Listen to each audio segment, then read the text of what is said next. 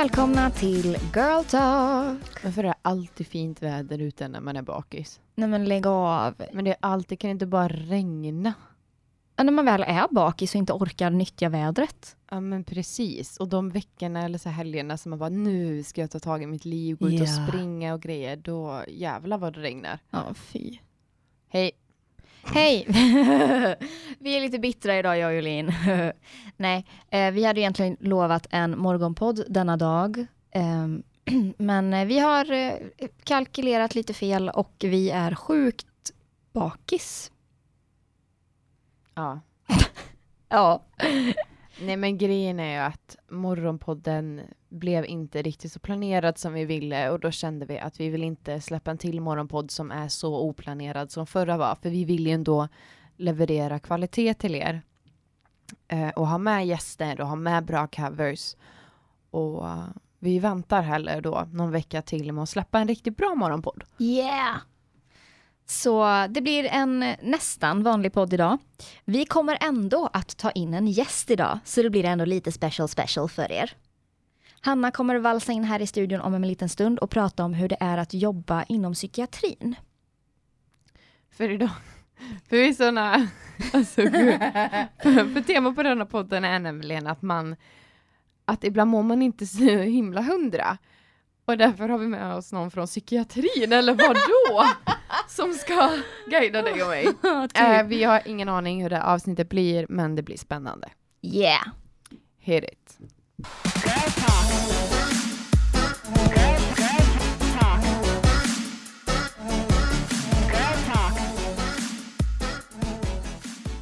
Så, vi var ute igår då. Det var vi. Eh, jag är fyllt 22. Fan vi har pratat om det i varenda jävla avsnitt nu Ja. i en månad. Jag är 22. Nu är det 22. Så vi var ute och fira. Och det var askul var det. Vi dansade jättemycket. Jag har nog tappat fem kilo igår kväll tror jag. Ja men Fan precis. vad man kör. Man svettas. Men det är skönt också att kunna släppa taget och vara lite ute med bara människor man tycker om. Mm. Det tycker jag är en unnest att ha i livet. För det finns så många som inte har någon vän eller någon syster eller någon bror som sitter själva på sina födelsedagar. Mm. Och därför ska man bara skratta sig lycklig att man har några som vill fira med en. Ja. Men hur har din vecka varit Hanna? För temat denna podden det är ju eh, att man inte är helt hundra. Mm. Och hur har din vecka varit? Liksom, varför pratar vi om det här idag? Jo, det var ju så här att ehm, du ringde, nej, du smsade mig. Ja. Eh, och ehm, jag kommer inte ihåg vad vi skulle, om vi skulle träffas eller du frågade någonting eller någonting, men fråga i alla fall hur jag mådde Mm. eller så. Och då sa jag att nej men det är inte, det är inte jättebra. Eh, för den dagen gick, jag tror min kropp gick bananas loco. Eh, jag kom hem från jobbet och skulle åka och handla och så sa vi, jag och Dennis, att vi köper med oss mat hem. På vägen hem så håller jag på att typ kräkas i bilen. Jag, har blivit, jag är jättetrött, jag mår jätteilla och jag bara känner att nu kommer jag kräkas snart. Men luckily I did not i bilen. Fantastiskt. Eh, kommer hem och jag sätter mig i soffan och vi ska äta. Men jag bara så här lägger mig ner och orkar inte sätta mig upp. Min kropp bara skriker lägg still för i helvete. Och bara, jag bara oj men vad, vad gör jag? Dennis får panik, jag får panik och jag bara jag orkar ingenting. Sätter mig upp och försöker äta mat, går inte, det tog mig typ en timme att käka upp lite mat. Ehm, och så har jag bara funderat på varför, eller vad, vad som hände. För att det var ändå så här, helt plötsligt min kropp bara stängde av i princip. Och jag har så svårt att definiera varför. Mm. Jag vet att jag jobbade lite extra ehm, eh, nu i veckan för att eh, eh, min chef var på semester. Så då jobbade jag fem dagar istället för tre dagar i butiken och jag jobbade typ en timme längre varje dag också. Inte jättemycket mer. Det är ju ingenting, det är som en Nej, vanlig alltså, människa Jag liksom. vet, det är så jävla sjukt att höra det här bara. Jag Ah, vet. Jobbade fem dagar istället för tre. Jag bara, jobbar ju 100 procent då, fem Ja, men, dagar i veckan. ja, och det är det jag menar är så sjukt. Sen, ja, jag har ju bara en halvtidstjänst och då är det bara tre dagar i veckan. Ja, där. Ehm, men jag bara kände att det här är inte så mycket. Jag har ju jobbat heltid innan. Det är ju piece of cake egentligen. Och detta var ju knappt heltid, men jag vet inte, min kropp bara... Stängde av sig. Ja. Psyket också. Den var, det var lite mer med. du kunde ändå se humorn i det liksom. Gud ja, gud ja. Jag typ, eh, det slutade med att jag typ satt och grät och skrattade samtidigt. Det är jätterörigt när man inte vet vad det är som händer. Men varför då? Vad kom du fram till när du tänkte på det? Är det jobbet eller? Och hur ofta brukar sånt här hända dig? Det är väldigt olika. Jag vet ju att eh, jag stressar mycket i perioder. Eh, sen tycker jag att jag hanterar min stress väldigt bra under, under tiden. Jag är väldigt bra att effektivisera mig och använda min stress till något produktivt. Men det biter mig verkligen i rumpan emellanåt. Um, så när jag har stressiga perioder så, så stänger, då, då blir det så emellanåt. Hur det är, är minst några gånger då? per år. Hur är ditt psyke då? Hur, på vilket sätt menar du? För jag får ju inte en krasch i kroppen utan jag får ju krasch i mitt psyke och mitt humör och hur jag bemöter andra människor. Jag får inte att jag behöver sova mer utan jag får ju det psykiska. Mm. Hur är det med det för dig? Alltså jag kan bli väldigt, jag blir ofta väldigt ledsen. Mm. Eh, och jag, särskilt mot Dennis som jag bor med. Mm. För jag blir så trött och jag känner att jag inte är tillräckligt hela tiden. Och då blir det att mitt självförtroende bara slänger sig i botten. Det existerar inte ens längre. Och han får liksom skrapa ihop mig och säga att han får liksom peppa mig genom de tiderna väldigt mycket. Mm. Så det, det, det händer flera gånger per år, det gör det. Men det, det vet jag i grund och botten är att jag gör ofta väldigt mycket. Jag jobbar och vi poddar och hej och hå nu. I, eh, jag menar i julperioder så är det alltid musik och det är shower och jag har gjort revyer och alltihopa och då kraschar jag. Det gör jag alltid. Mm. Och det är i grund och botten för att jag tycker det är svårt att prioritera och att jag har så svårt att säga nej. Folk brukar säga att det är typiskt oss 90-talister eh, som både du och jag är, att vi inte riktigt, att så fort det blir för mycket så har vi använt uttrycket gå in i väggen till exempel. Mm. Och att vi är så unga så vi borde inte ens känna av det. Mm. Eh, jag hörde några sitta och prata om det för en, två veckor sedan kanske. Och jag har inte upplevt 90-talister eller 00-are, alltså som är före 2000-talet, som lata människor. Utan jag tror att i vår generation så är vi bara mer medvetna också om vad alla andra gör. Mm. Och hon, hon tävlar i bikini fitness, har tre stycken heltidsjobb, har sambo, har familj och hon, mm. vi ser i hennes sociala flöde hur hon orkar göra allt det här. Om man själv bara sitter där, jag, jag poddar liksom och, ja, precis. och jobbar. Hur fan kan jag vara slutkörd? Mm. Jag tror det är den förnekelsen också som gör att man inte ger sig själv tiden att bara varva ner innan det är för sent, innan man redan har gått in i väggen. Ja men precis. Eller gått in och gått in i väggen. Jag vet inte ens vad som händer när man går in i det. Jag är så jävla rädd för det här begreppet. Alltså det är jätte... What happening? det är jätteolika hur, hur det hanteras. Eh, jag eh, kommer ju från en familj som har eh, gått in i väggen. Båda mina föräldrar gjorde det när jag var lite yngre. Mm. De varvade om varandra. Det går bra nu! och jag, jag själv gjorde ju i princip det efter gymnasiet. Mm. Jag vill väl inte kalla att det är fullständigt in i väggen om man jämför med vad mina föräldrar gick igenom. Men eh, det tog ganska hårt.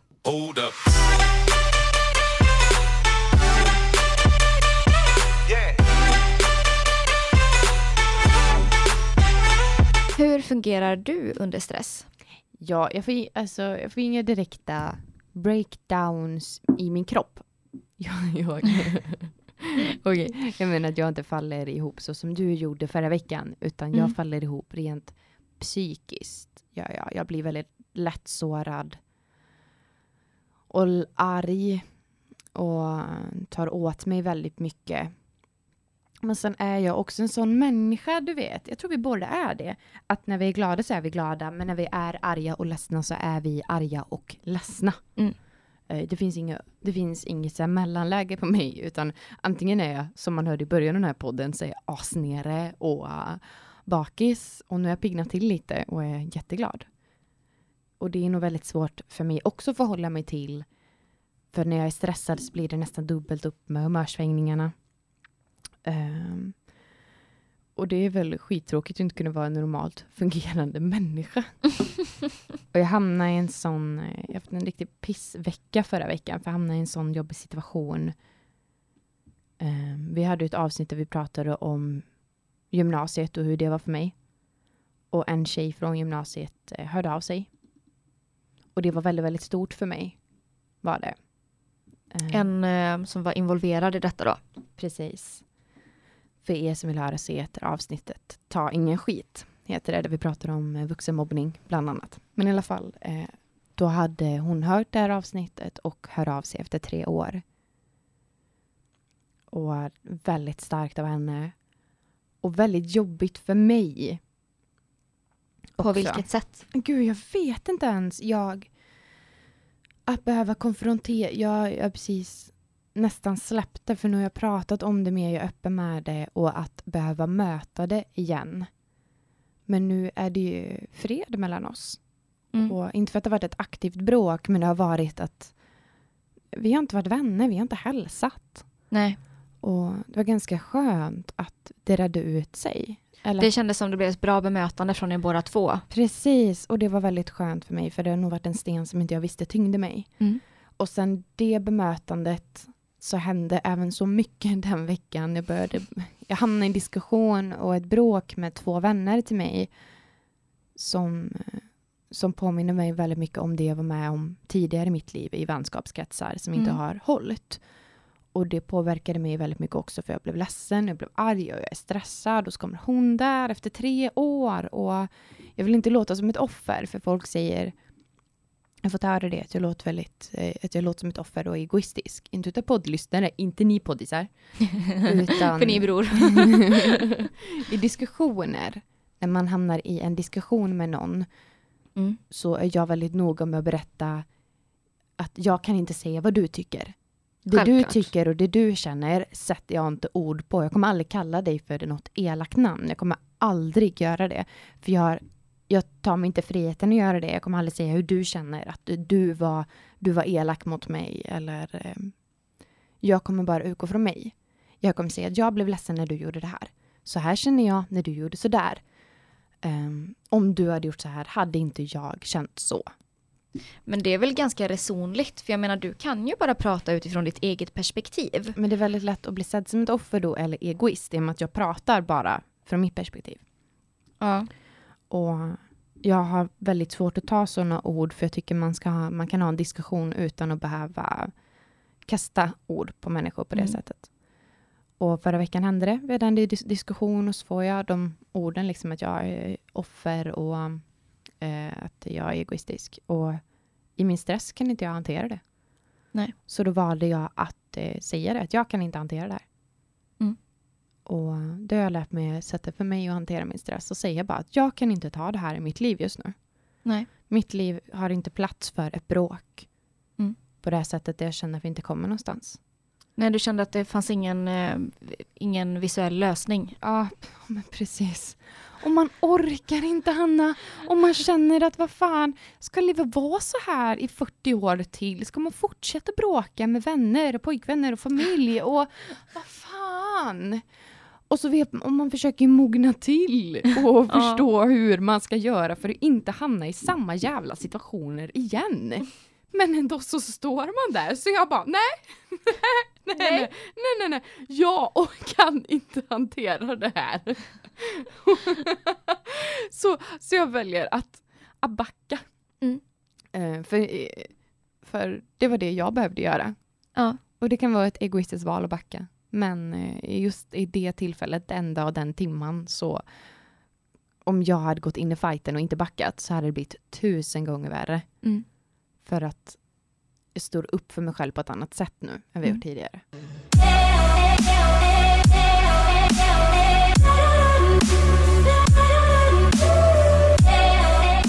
Säg det bara Allan, säg det. Jag ska skaffa hund! Och nu på svenska. Jag ska skaffa hund. jag bara, vilket språk pratade jag? Vad fan hände där? Nej, alltså jag vet inte. Jag och Dennis har funderat på att skaffa hund så vi bara länge. säger att det här brukar vara steget innan barn. Mm. Säger du som redan skaffat katt. Men katt och hund är inte samma sak. sluta, sluta nu. Sluta nu. Ja, berätta. Okej. Jo, så här är det, jag, har ju, jag är ju uppväxt med hund, jag har alltid haft hund. Min hund som jag är uppvuxen med, hon finns fortfarande i livet. Hon är 14 år gammal.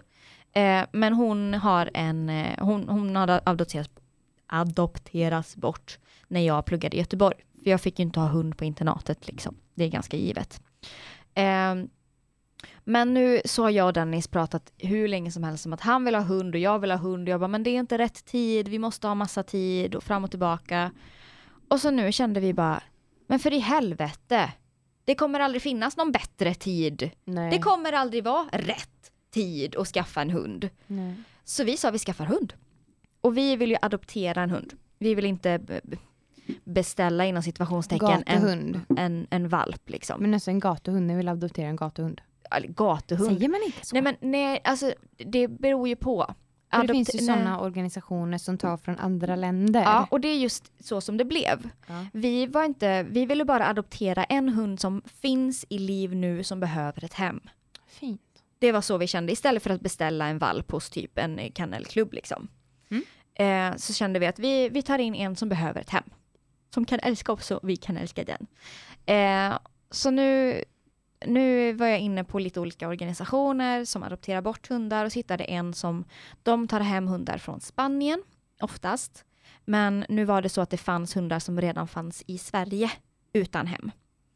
Eh, det var visserligen en från Spanien, men den finns i Sverige. Mm. Så jag hörde av mig till den organisationen och sa hej, vi vill jättegärna adoptera en hund, vi har sett den här på sidan. Vad heter organisationen? Yahira Dog Projects. Yahira. Ja, Yahira då. Yahira Dog Projects. Yahira då. Okej, ja. Ja. Eh, vi hittade en hund på deras hemsida som vi tyckte verkade ganska lagom för mig och Dennis. Så jag skrev att den är vi intresserade av, men vi tar inte in en hund innan vi har fått träffa den. Det är så pass viktigt, både för oss men framförallt för hunden, om den känner sig bra med oss. Så vi åkte och hälsade på hunden. Hur mycket skiljer, är den renrasig? Nej, blandras. Hur mycket skiljer sig i pris? Jag tänker om det är någon Alltså- som vill adoptera en hund nu, vad, vad ungefär för det Alltså det beror, på, det beror ju helt på organisationen. Ehm, för när man adopterar så är det oftast ett, ett fast pris som Mm. man ger till organisationen för fortsatt arbete, Ah. även för veterinärskostnader som de har gjort innan, eh, travel expenses. Ja men precis, ni betalar nästan för hela resan för Ja men precis, till plus hem. lite extra för deras organisation så att de faktiskt kan underhålla den och fortsätta göra det de gör. Ja. Ehm, men jag menar, om man köper en renrasig hund i Sverige Mm. eller, ehm, eller blandras, det är ju väldigt stora skillnader. Men det är samma med katter. Hanna, Det är ju exakt samma sak. Ja, Ja, precis. så det är ju, alltså det roliga är att ibland är djur så dyra att de har en livsförsäkring. Våra har livsförsäkring. ja ja, men, Ja, ja, ja. Jag ska ha försäkring på min hund. Skitbra. Ja, men det ska man ha. Ja, men jag tänker livsförsäkring, förlåt men det låter så absurt för mig. För livsförsäkring Ja, jag kopplar jag till typ mord. Att försöka få ut försäkringspengar. ja, så jag, vill, nej, men jag tänker inte mörda mina katter. Obviously not. Vad är det jag menar? Men jag menar att man drar ofta den parallellen med livsförsäkring. att, förstår vad du menar. att det dör någon så kanske man kan få, alltså man mördar någon för att få ut försäkring. Ja, det här låter jävligt dumt. Jag Du har ju det. kollat för mycket på Jag typ CSI visste och sånt. inte att djur hade livsförsäkring. Nej okej. Är det någon som har dödat ett djur för att få, nej men gud vad hemskt, men för att få ut livsförsäkringspengarna? Nej, men det handlar ju om olyckor och sånt. Jag har ju haft häst. Då har Mm. man ju alltid, då har man ju alltid livsförsäkringar Man för har det är det. dyrt. Berätta om hunden nu. Hunden. Ja, det är en liten skit, säger jag. En, för att vara mig väldigt, väldigt liten hund. Det är inte en chihuahua, men det är inte heller en golden retriever. Det är någonstans mitt emellan. Eh, en liten försiktig tjej. Hon kommer hem på söndag. Så vi har inte hämtat henne än. Alltså fy Alltså förstår du vad jag längtar? Jag förstår. Alltså jag kan, inte, alltså jag kan inte gå en dag utan att bara så här många dagar kvar tills jag får hem henne. Om en månad har hon varit hos henne är en månad nästan. Ja precis, sån är jag. Så jag har börjat köpa så här hundsaker hem och kollat på hundsängar och koppel och matskålar. Hur mycket betalar ni för henne? Du har inte sagt det än. jag har ingen koll. Jag tror det är 5000. 5000. Kan vara 6000 Och då är också. han vaccinerad och hela paketet liksom. Vet. Till och med kollar för blodmask. så det, det händer i mitt liv. Jag ska skaffa hund. Hallå, Ja. Jag har tagit upp nu dyraste hundraserna. Oh my god, ångest ja men jag kände jag nu. vet, Åh, inte det nej. är lite, men, då, men jag tänker lite, det finns en som heter Saluki. Eh, och de Okej. kostar upp mot 22 000 kronor. Mm. Sen finns det en ras som heter den peruanska nakenhunden. Eh, där kan du få betala upp mot 3 000 dollar, alltså motsvarande 26 000 kronor. Oh my lord. Så nu ska vi se vilken som är den dyraste då, för de var bara nummer åtta på listan. Oh my god! Gud, är rottweiler så dyra? Renras ja. Jäklar! Här står det mot 55 000 kronor. För vissa hundar med eftertraktad stamtavla ja. kan priset vara så högt som 55 000 kronor. Yes. Skojar de? Nej men så är det ju. Vilken jävel är på första då? Nej men Hanna, du kommer aldrig tro vilka som är först. Lövhen. Det är en liten och långhårig hundras som kallas det lilla lejonet. Oj. 90 000 kronor Hanna. Oh alltså du lord. måste se den här. Oh, Kan du tänka dig att den lilla är 90 000? Oj! Oh my god! 90 000. Vad är det för speciellt med dig? Vad Ja kan men det du måste ju göra? vara, men det är ju med stamtavlor liksom. Det måste vara det. Ja men jag lovar att det är det. Nu går vi till veckans musiknyheter. Let's do it! Veckans musiknyheter.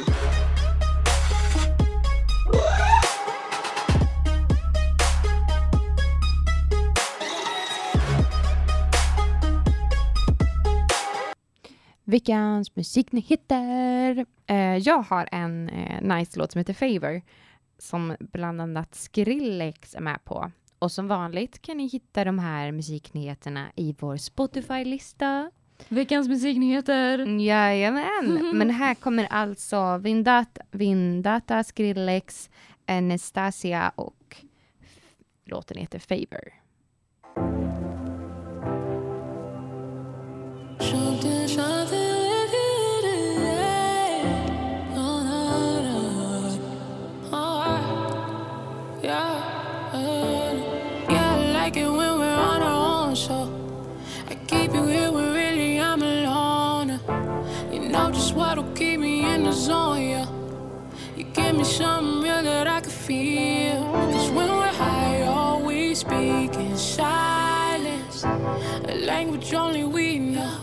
some sure about how you hold hand.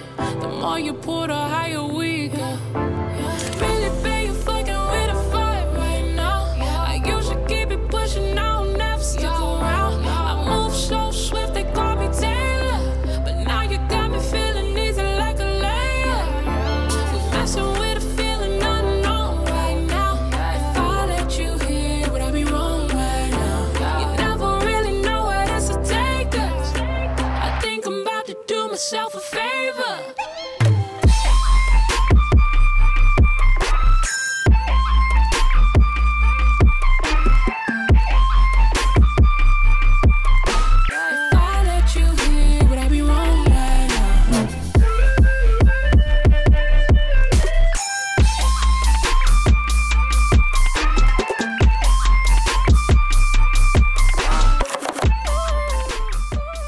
Nice. Nice låt. Mm. Ehm, jag går till en helt annan typ av låt. Som heter Sober Stripped med Ray, kanske. Ray. I'm in the kitchen, 20 to midnight. I just got home and I hear my phone. Oh, I see it on the piano ringing. I see your name, a slide left to speak. Then five minutes later, I'm in my car and I'm on my way over. You have been drinking, or you would have called her.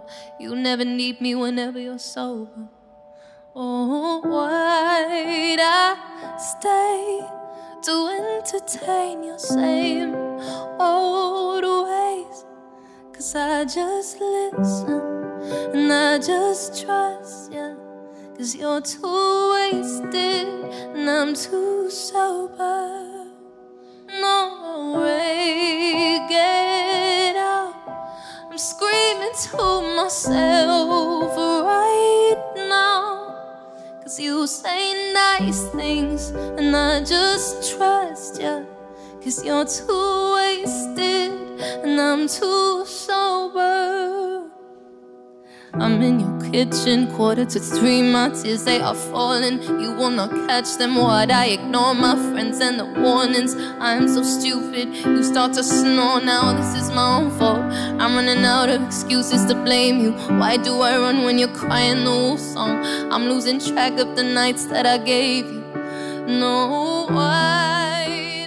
Det var då veckans eh, Music News. Ja. Och så som vi sagt innan så kör vi varannat avsnitt med cover. Så det blir ingen cover från mig och Hanna idag. Nej, det blir det tyvärr inte. Eh, ja. Men Berätta för dem Hanna. ja, jo men vi var ju med musiktävling. Om det är någon som har missat det. Eh, ja, och det är sista gången vi tjatar om den idag. Eh, vi fick besked att eh, vi inte kom med i slutfinalen så att säga. I Linköping. Alltså jag måste bara säga att det var faktiskt väldigt skönt att höra.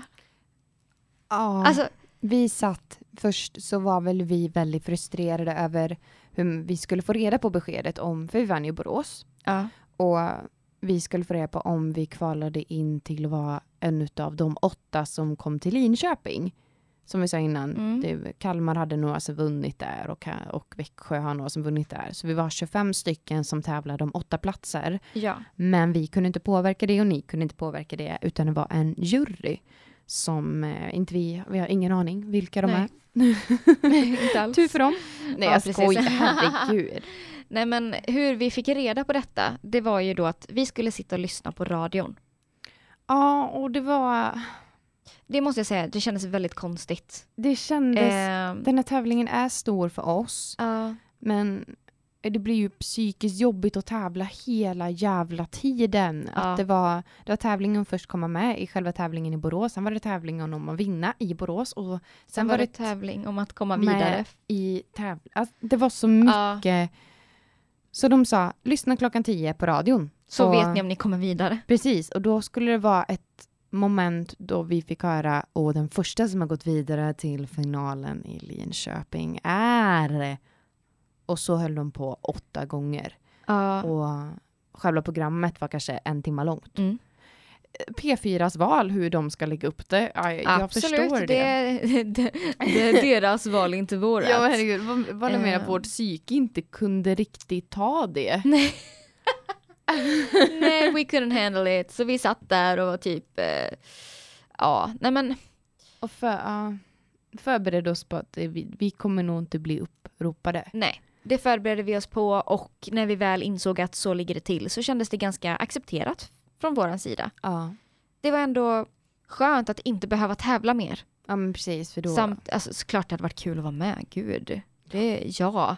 Men väldigt skönt ändå att bara kunna släppa tävlingen och gå vidare och jobba med musik som vi gör nu. Mm.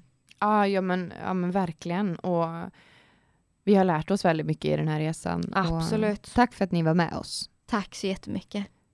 Och nu blir det ingen mer podd för jag skojar. Herregud Nej. kompisar, folk tror jag och Hanna är jätteledsna. Vi är så jävla tacksamma att vi vann i Borås. Ja. På riktigt. Ja, det är bara tacksamhet med den här Ja. tävlingen och allt stöd vi har fått. Det har varit helt sjukt, helt otroligt.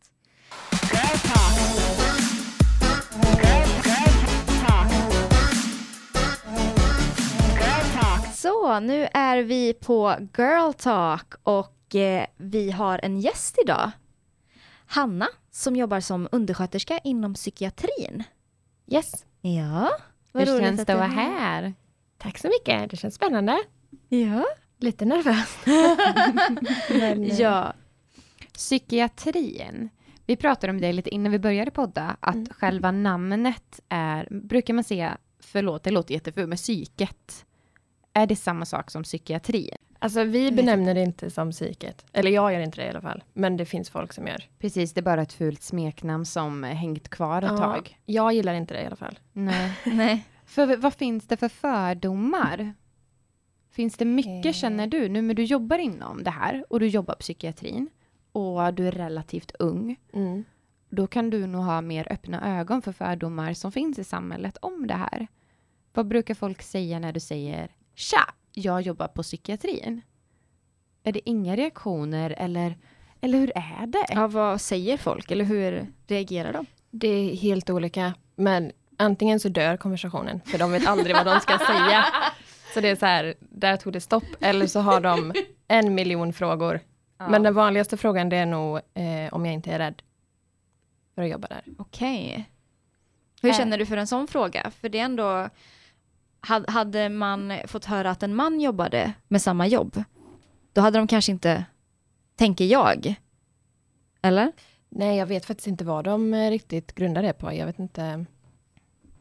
Jag Men inte hur rädd. hamnade du där? Det är jätteintressant. För du är ju undersköterska Mm. och var det ditt första jobb? Eller vart har du varit Alltså- innan det här? Jag gick ju omvårdnadsprogrammet på gymnasiet. Ja. Och då hade vi praktik där uppe. På, eh, s- Inom slutenvården då, där Ja. jag jobbar. Mm. Eh, och det var väl så jag fick upp ögonen för det lite. Men sen jobbade jag som personlig assistent. Jag var ett år som au pair i London och sen kom jag tillbaka dit. Mm. Och sen har jag varit där i två år. Och du trivs? Jag trivs jättebra, jag älskar mitt jobb. Jag Vad skulle, roligt. jag skulle aldrig kunna göra något annat.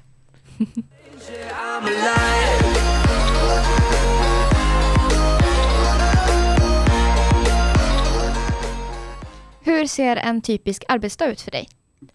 Vi eh, arbetar i tre team på avdelningen.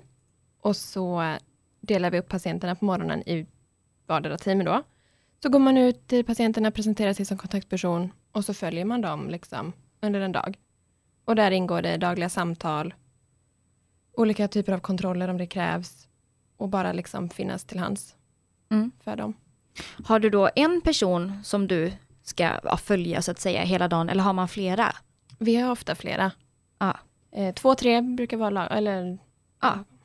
Brukar vara lagom. Mm. Rimligt. Två, tre brukar vara lagom, ja. Precis. Men Ja, du är precis. anställd som undersköterska? Mm. Men man är anställd som skötare på psykiatrin, men jag är Mm. utbildad undersköterska. Ja men precis, väldigt bra att ha eh, för din egen skull också ifall något skulle hända när man jobbar inom vård. Mm. Att du kan lösa situationen om du skulle ha någonting med undersköterskeutbildning att göra.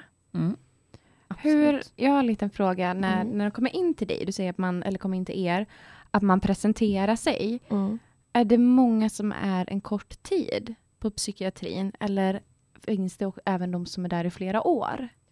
Vi är ju en eh, akutvårdsavdelning Okej. och vi fokuserar på det är kort tid och så någon vecka. Mm. Och sen letar man efter mer långsiktiga Ja. lösningar. Precis, vi är ju det akuta skedet dit man kommer när man men inte riktigt klarar sig. Man, Mm. behöver lite, man behöver landa någonstans och där Ja. finns vi, där kommer vi in. Mm. Och sen så tar din öppenvård över när du blir utskriven och så får du fortsätta så. Är det en lång väg för att behöva komma till din psyki eller för att komma till din psykiatri? Vi pratade lite om det innan va? Vi, vi Ja, snuddade in när vi precis. började podda nämligen. Hur vägen går liksom. Det är Men- inte så att Man det går snabbt. in bara. Nej. Nej, det, det är helt olika beroende på vad du söker för givetvis också, men ofta så kan det vara personer som har en öppenvårdsmottagning, Mm. eh, som är som en vårdcentral fast för psykiatrin, som träffar sin kontaktperson och där kan det bedömas att du behöver inneliggande vård och då skickas du till oss. Eh, det kan vara patienter som söker på egen hand också. Mm.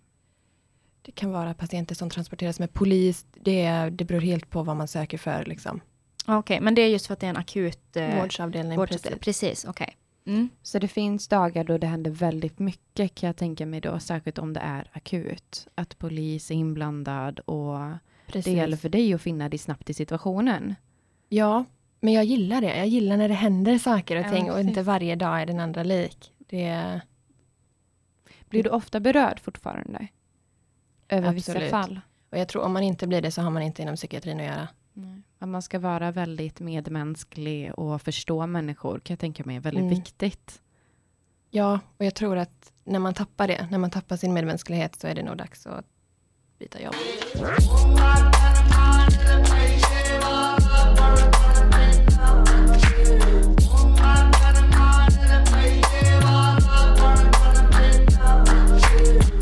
Det finns ju väldigt mycket fördomar som vi pratade om innan. Tyvärr. eh, om, om vård överlag, liksom, och särskilt psykiatrin.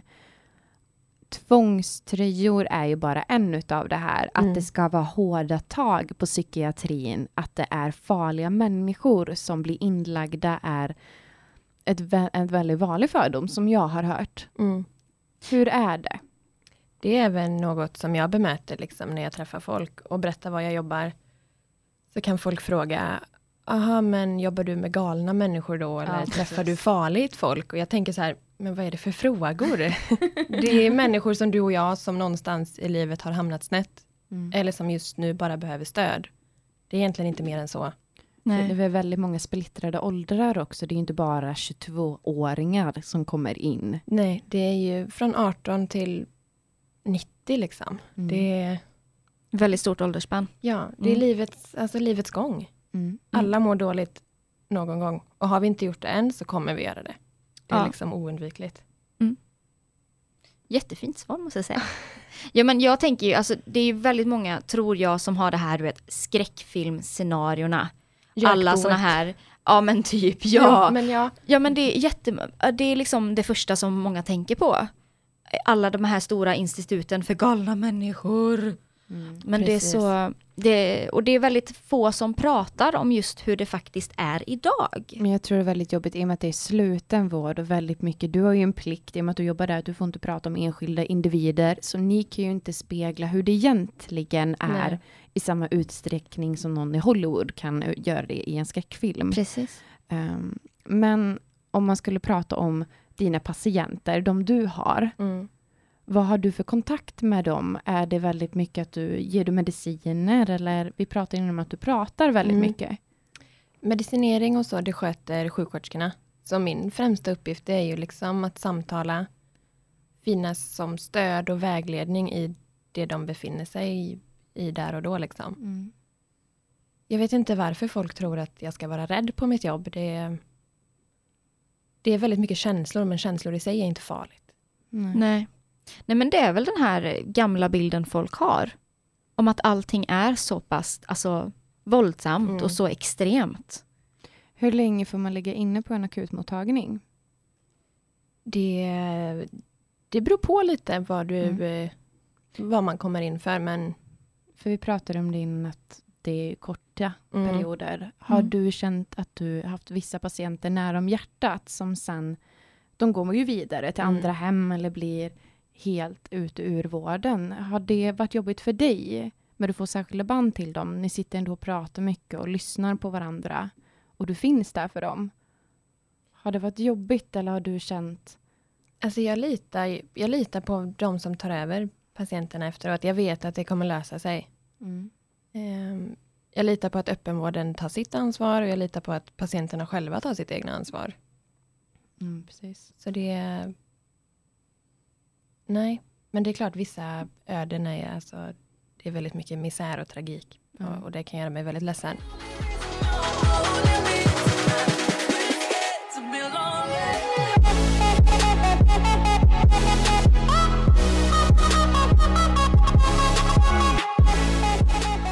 Okej, eh, vi kör några vanliga frågor som kommer upp när man pratar om psykiatri.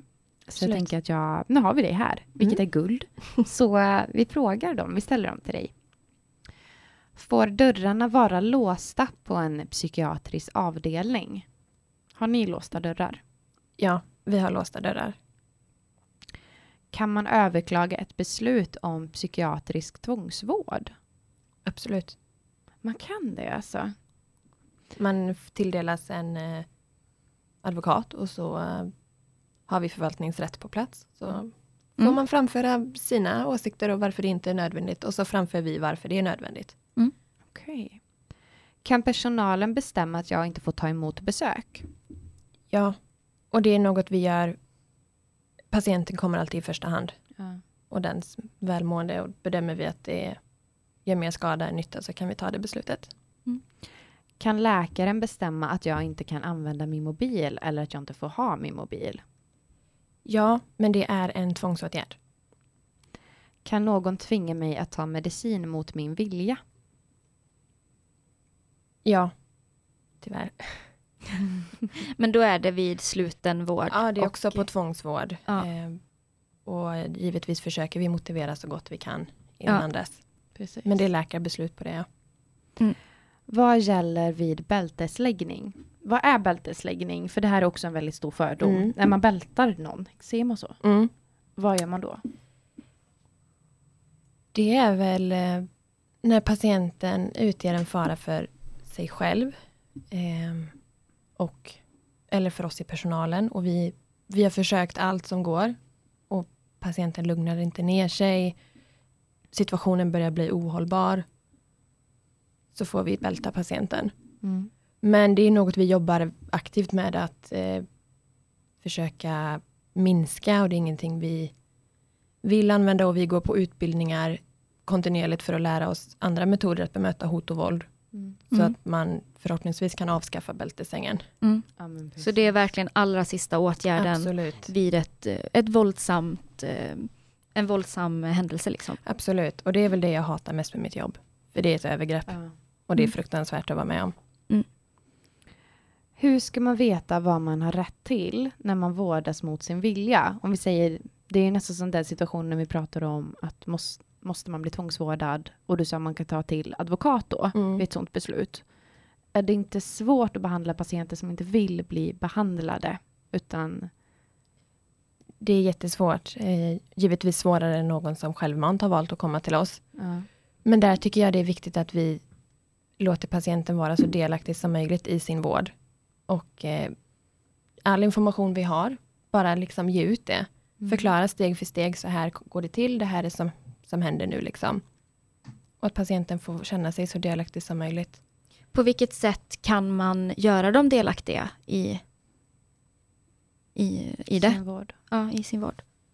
Till exempel så kan man göra dem, man kan prata om deras medicinering, sätta sig ner tillsammans och kolla igenom medicinlistan. Det här är vad du får Mm. och vad, det här är varför du får det och så kan man prata om det. Att vi är med på läkarsamtal som en stöttning liksom och man kan, Mm. Är det många som skäms? jag tror det tyvärr. Ehm, så är det nog det. Mm. Är det till en början bara då? Eller, eh, eller fortsätter det? Eller, för jag tänker att om man får det avdramatiserat när man Mm. väl hamnar på till exempel en sluten, slutenvård eh, och har sina fördomar sedan innan, Mm. blir det att många släpper det här med att bara, men det är inte så farligt. Det är ingenting som är pinsamt. Det är ingenting... Absolut.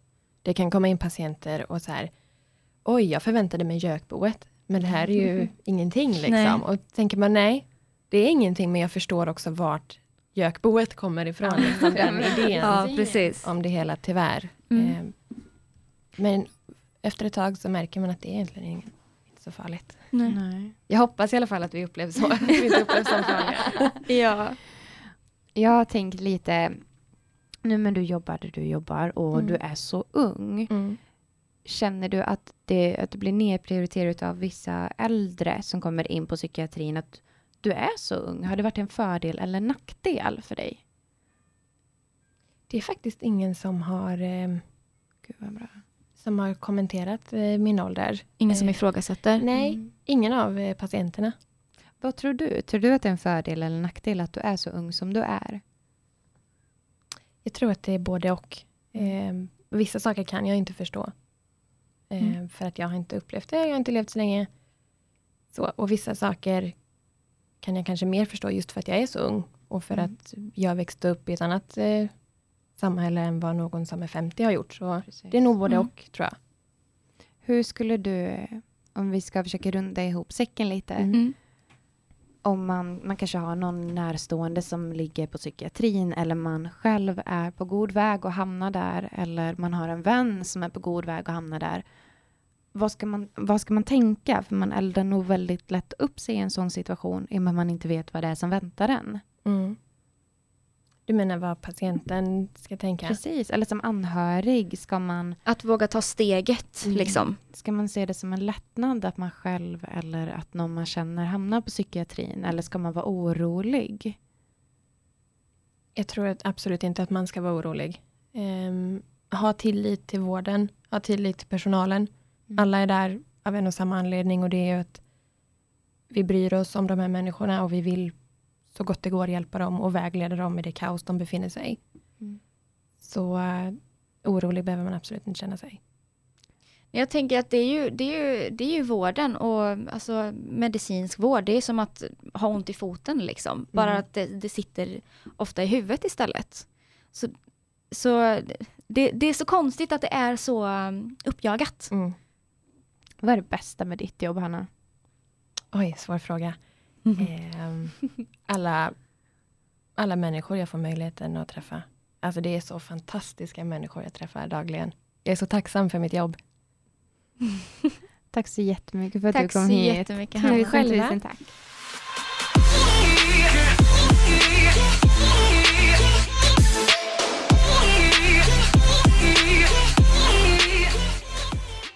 Har alltså Hanna, våran fantastiska Hanna, valsat ur poddstudion.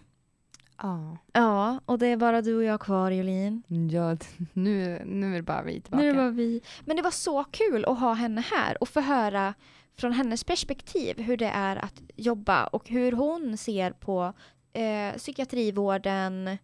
Och det var jätteintressant. Ja, det var det. Och det är nog väldigt svårt att prata om för du, måste, du får inte direkt prata om det utan man måste Nej, nästan gå runt precis. omkring det. Det är my- mycket sekretess. Väl, alltså det är ju jättemycket sekretess. vad bra hon gjorde det Hanna. Ja, det måste jag säga. Alltså det här med att kunna berätta ändå om sitt yrke och hur man, men att man inte får berätta någonting. det är jättesvårt. Men jag tyckte hon gjorde det jätte, jättebra verkligen. Vi har funderat lite, vi frågade Hanna, alltså psykiatri-Hanna blir det nu. Gäst heter ju också Hanna. Vi frågade henne om vilken yrkesroll hon hade velat se i podden representerad. Ja. Och då sa hon eh, advokat. Så snabbt verkligen. Det första Ja. hon bara advokat. Så vi ska leta lite efter kvinnliga advokater. Är någon advokat? Hör av er! Ja. Här var vi! Hon får riva hela studion. det hade dock varit så fett. Det hade det och vi Ja. kommer att ha, försöka ha det som lite tema att ha med olika yrkesroller bland ja, tjejer. det är jätteroligt. Ty- Tycker jag i alla fall som har varit med och bestämt att vi ska ha det. Hoppas verkligen att ni tycker det är en rolig grej också och få höra om olika yrken.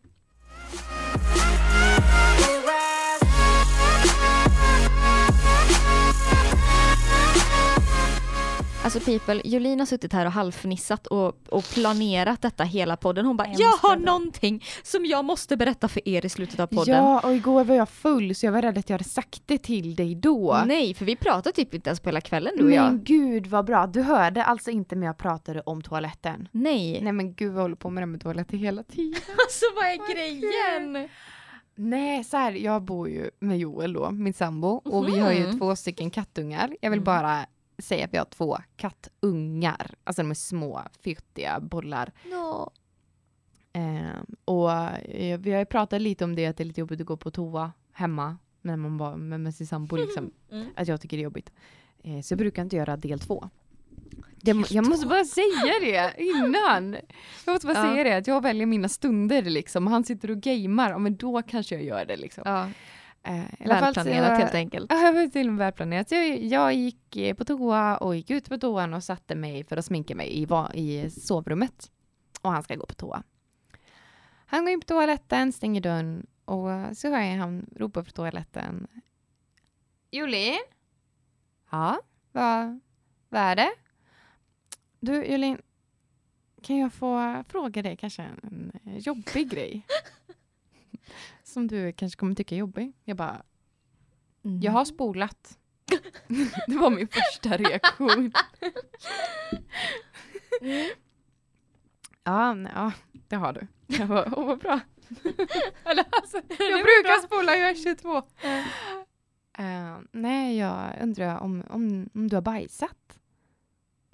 nej, nej Joel. Jag har aldrig. Nej, det Jag har har aldrig. jag har inte gjort det ännu. Jolin, har, har, du, har du bajsat på golvet? jag bara, jag bara, jag bara, nej, No! jag har inte bajsat på, på golvet. Jag är 22. Joel, han bara, nej nej nej, han bara, är du säker? Jag bara, ja! jag, bara, jag är ganska säker på det. Han bara, och, och han fortsätter bara, ja men tänker kan kanske ha flugit. Jag bara, nej! Jag bara, nej! Mitt bajs flyger inte Joel! Jag, är, jag sätter mig inte bara ner och gör mina behov på golvet. Jag bara, men det här är absurt Joel. Vi har, vi har två kattungar också. Du, du tänker inte att det kan vara dem som kanske har, utan du börjar med att, att anklaga mig. Han bara, men du var ju här senast.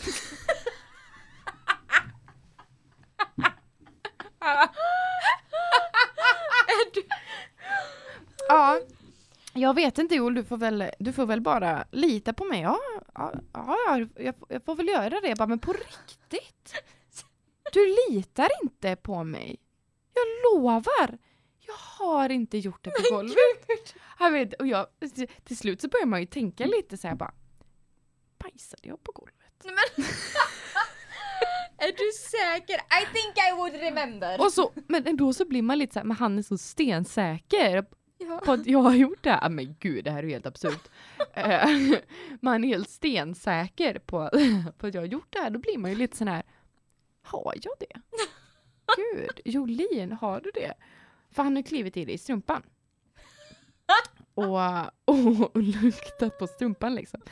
I samma minut som jag går för att kolla vad, vad det är liksom för bajs, liksom, hur mycket Ja. är det? Och det är så, så jävla mycket var det inte ska jag säga.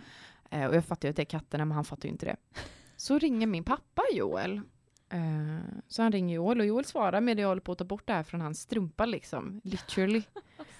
och, och Joel svarar, hej Jonny, det är en liten tokig situation. Jag bara, pappa!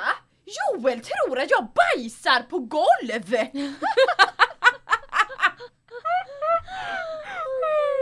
Ja, så jävla sjukt. Så det var väl bara det jag ville berätta. Att du verkligen inte hade bajsat på golvet helt Ja men enkelt. vad fan, vilken situation Hanna! Ja men vilken situation, vem frågar sin 22-åriga sambo det? Ja, ja, ja. ja tydligen så. För jag menar vi hade ju två kattungar. Varför blev jag fucking huvudmisstänkt? Nej du, jag har ingen aning. Ska vi runda ihop eller? Vi ska runda ihop detta nu. Är säker ju. Alltså jag vet inte vilket Joels förhållande är. Oh my god. Alltså, ja, genast, nej men gud det är så konstigt. Ja, Ja, nej, dags att avsluta people. Eh, ja, men Hanna, Okej, förstår- förlåt. Förstår du hur konstigt det var? Har du bajsat? Nej! Är du säker? Ja, det är jag! oh my god. Nej poddisar, det är dags att avsluta detta avsnittet innan Jolin spinner vidare på detta. Berätta det här för alla! Oh my god. Ja. Detta var allt för oss denna veckan. Hoppas ni har funnit detta avsnitt eh, intressant. Även om det vart, eh, ja nu vart det flamsigt i slutet. Som vanligt. Även om det är lite seriösare ämnen vi har diskuterat. Och eh, ja, nej, ha det bra. Puss och kram. Ha det gött! Ja. Vi ses nästa vecka. Ni hittar oss, Hanna Jolin, på alla sociala medier you know the drill. Yeah. Eh, vi har börjat fråga efter feedback på våra sociala medier. Så snälla ja. gå in och bara ge lite feedback. Det hade varit eh, skönt. Och Jätteroligt vet. att höra vad ni tycker, vad ni tänker och vad ni vill ha. Mm. Och eh, vi kommer inte säga till någon att du har skrivit. Låt. Nej. Promise. Puss puss allihopa. Ha det Hejdå. bra. Hejdå. Girl